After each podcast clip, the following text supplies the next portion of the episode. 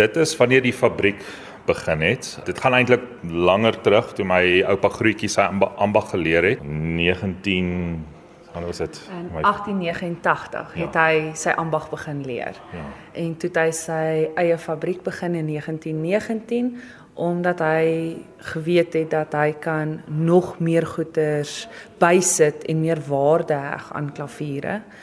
Natuurlik is daar baie min van klaviere wat verander het oor die jare, maar hy het sy goeie bydrae gelewer en hy het een van die eerste harpsichords in Suid-Afrika ingebring. Dit was wat hy gedoen het. Daar's eintlik 'n berig wat deur koerante in Suid-Afrika is wat ons nou-nou vir julle lekker kan wys. So as ons praat oor die ambag wat hy geleer het, dan is dit letterlik hy het geleer om klaviere te maak. Ja, dit is 'n uh, klavierbou self. Dit vat jou 4 jaar in 'n fabriek. Jy begin maar aan die begin maak die fabriek skoon en dan dit is maar so 'n happy ship dan werk jy jouself op en op die einde van jou 4 jaar dan bou jy jou eie klavier van die ysterraam, die klankbord, die hout, die snare alles en dan as jy op meeste graad doen wat nog so 2 jaar vat, dan moet jy 'n nuwe vleuel ontwerp wat nog nie aangedink is nie. Enige iets nuuts moet jy dan uitkom en ja, ons het twee twee meeste grade in ons familie. Daar hang 'n foto van hom. Wat was sy naam gewees? Sy naam is Willie Kurt Goetsman. En hy het dan na die fabriek begin in Duitsland, maar jy het nog steeds die fabriek daar.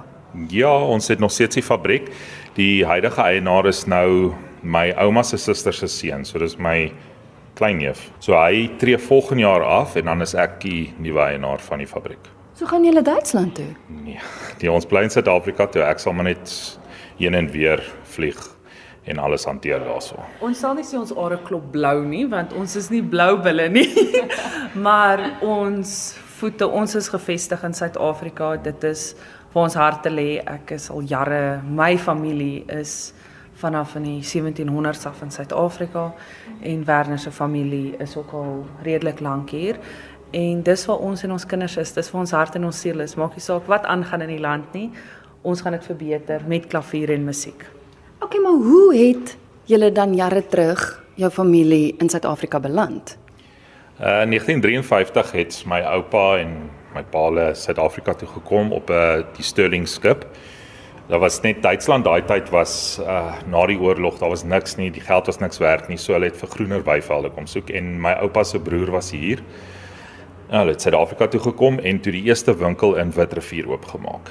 En later toe is my pa 1957 terug Duitsland toe met Strek Airways 4 dae 3 nagte Düsseldorf toe en toe Eisenberg toe om die ambag te leer waar hy ook klavierbou geleer het en in 1961 na hy sy graad gekry het en hy het met 'n Duitse vrou getrou toe ontsnap hulle 6 maande voor die Berlynse muur opgerig is. Toe ontsnap hulle uit Duitsland uit terug Suid-Afrika toe. En ja toe is ons nou hier en ek het 1979 was ek gebore en in 1999 het ek my ambag gaan gaan leer en ja nou is ek hierso Was dit wat van jou verwag is of het jy regtig die belangstelling daarin? Ek moet sê ja en nee, dit was vir my verwag. My belangstelling het eintlik eers bietjie later ingekom. Kyk, ek was maar so 'n tiener wat ja, ek kop wil volg en ander goed wil doen, maar toe toe die wysheid my getref en gesê nee, ek eintlik klaviere en vleuels is my passie en ek is mal oor die goed en ek kan ja, ek kan enige plek heen gaan en na enige mense gaan kuier en ja, ons kan geskiedenis 'n baie stories vertel van 'n klavier en wat daar aangaan en waar deur hy is en daai tipe goed. So het jy ook die ambag geleer om klaviere te bou? Ja, ek het in Duitsland geleer by ons fabriek Hutzelmann en dan was ek by Steinberg om die finale afronding te kry. So ek het ook 'n 4 jaar graad agter my naam. Nou julle bou nie tans klaviere in Suid-Afrika nie. Dit gebeur nou nog by die by die fabriek in Duitsland. Terloops, ek wil net sê hier's nog 'n foto teen die muur van die gebou, die fabriek in Duitsland is nog steeds die een van jare terug. Hy het die oorlog en als oorleef. Ja, hy is een van min fabrieke wat die oorlog oorleef het. My oupa het my oupa grootjie het met die Duitsers se uh, ooreenkoms gekom om ons fabriek uit te los of dat ons nie moet wapen ehm um, bokse bou en daai tipe goed dat ons net kan aangaan met klaviere. Uh ons het nou 'n paar nuwe plekke bygebou wat ons nou waar die kabinetwerk en die spreiwerk en al daai tipe goed gedoen moet word en ons vertoon lokaal en ons geskiedenis ehm um, Daar's 'n museum ook daar wat ons wil graag na Suid-Afrika toe bring, maar dis nog 'n langtermyn projek wat ons nog wat ons wil doen dat ons 'n Suid-Afrika eintlik 'n 'n klaviermuseum gaan begin. Nou ons gaan gesels oor wat julle alles nou mee doen, maar ek is nou nuuskierig, hoe het julle twee mekaar ontmoet? Want duidelik is klaviere ook jou passie nou, hè? Ja, ek is ek is 'n aangenome kind deur 'n wonderlike familie met die van Geier in Suid-Afrika. Nou as jy deurgeloop het, sê jy sien ons het eintlik 3 Geiers te koop in die vertoonlokaal. Nou met baie interessantheid, my man lag onsaglik. Hy ondersteun baie selde die Geier fabrikaat. jy het maar jou klaviere waarvan jy bietjie meer hou as ander. Nou die Geier fabriek, dit word eintlik uitgespreek Gaia. Daar's verskeie Geiers in Suid-Afrika, maar die Geier fabriek is ook in Eisenberg geleë. Nou my ma het al hierdie interessante goed gedoen met ons as kinders, my ma se onderwyseres. Ehm um, en wat sy gedoen het, sy het ons laat 'n boek vorm. Die dag wat jy verjaar, begin jy hom en die dag voor jou volgende verjaarsdag word hy afgesluit.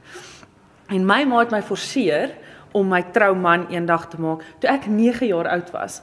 Nou ek weet nie van julle nie, maar daai tyd te seuns goggas spinnekoppe grill nee, maar my ma het aangehou ons moet ons idees en ons beplanning en ek het toe my ideale man Elvis is maar van wie ek baie gehou het, so ek het baie met daai tipe gesigstruktuur gegaan.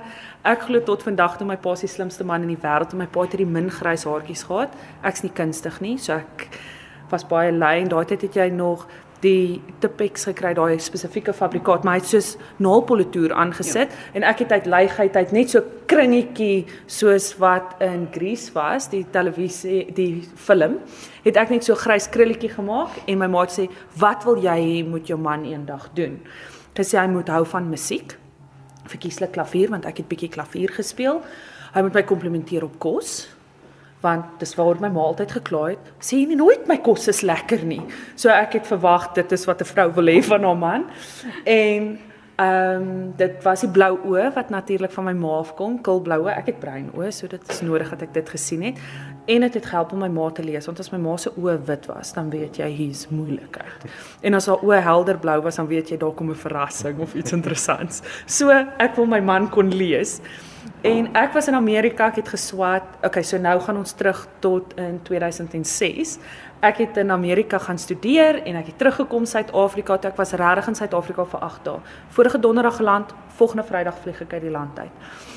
Ek kom in Suid-Afrika aan en hy kom besoek toe ons woning saam met 'n vriendin. Sy het nie 'n lisensie gehad nie en hy was redelik nuut in die Weskus. Hy het in Januarie in die Weskus aangekom nadat hy sy ambag in Duitsland gaan voltooi het. So hy kom toe in die Weskus aan. Hy ry haar toe na ons huis toe. Nou maar net iemand wie hy geken het en sy het my kom besoek om te sê welkom in Suid-Afrika, sterkte om jou studies te gaan voltooi.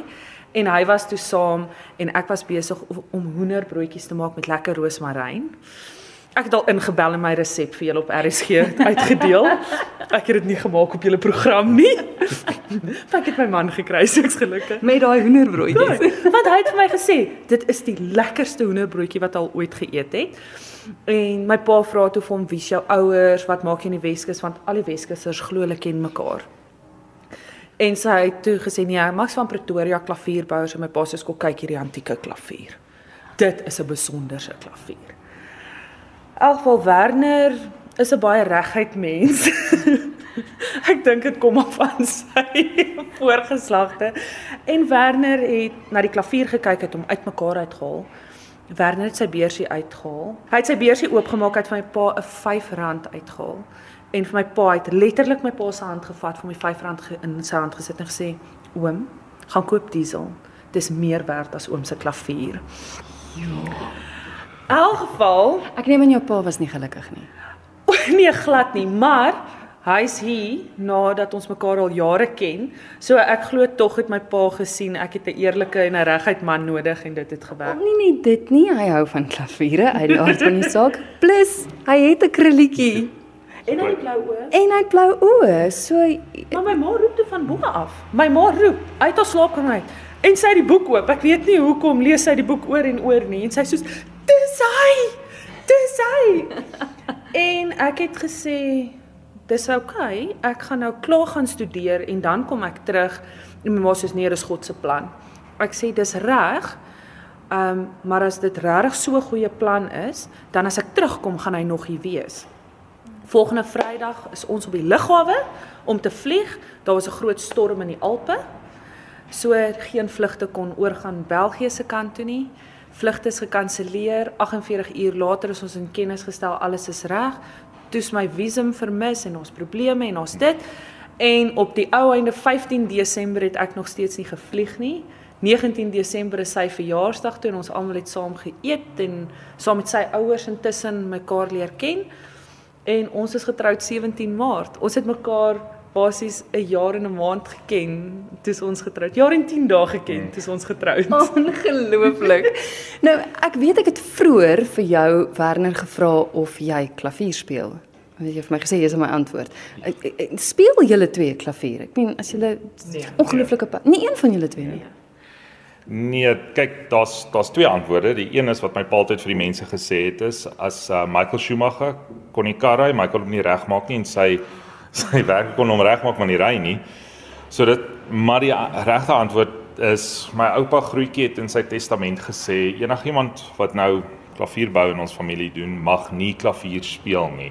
Dit is dis 'n ding want as jy na iemand se plek toe gaan en die ou speel wonderlik op die klavier, dan luister jy eintlik na die dan die mooi werk, maar hy speel die foute weg. So dan sal jy nie agterkom eintlik daar's 'n fout in die klavier nie. Jy luister eintlik net na die mooi melodie. So dis hoekom ja, ons dit nie doen nie. Maar dis net 'n familietradisie. Dit ja. is regtig waar nie dis nie in die reëls van die vakmanskap, dis nie deel van ja. tegnikus. Dit daar's mense wat besonder goed speel. Mense is aangeleë om te kan speel. Dit is maar net en dis ons hou al die tradisies na so ver soos wat ons kon, maar dis nie 'n tradisie wat ons in ons kinders gaan voortleef nie. So op die 5de generasie gaan dit nou einde. Want ons wil hê ons kinders moet kan klavier speel. Dit is baie goed vir breinontwikkeling. En sou jy wou speel Werner? Ek wel ek is spyt ek het nooit geleer nie want dan kom jy by baie konserte en dan sien jy Jesus maar die ouens kan speel dan wens ek ja ek wens ek kon speel maar mense wel mense is nooit te oud om te leer nie maar die probleem is tyd tyd tyd is daar nie baie nie. Nou goed, ons weet nou hoe julle hier gekom het en hoe julle bymekaar uitgekom het. In 'n volgende gesprek dan gesels ons bietjie oor die vertoonlokaal waar ons nou staan en wat alles nog hier gebeur.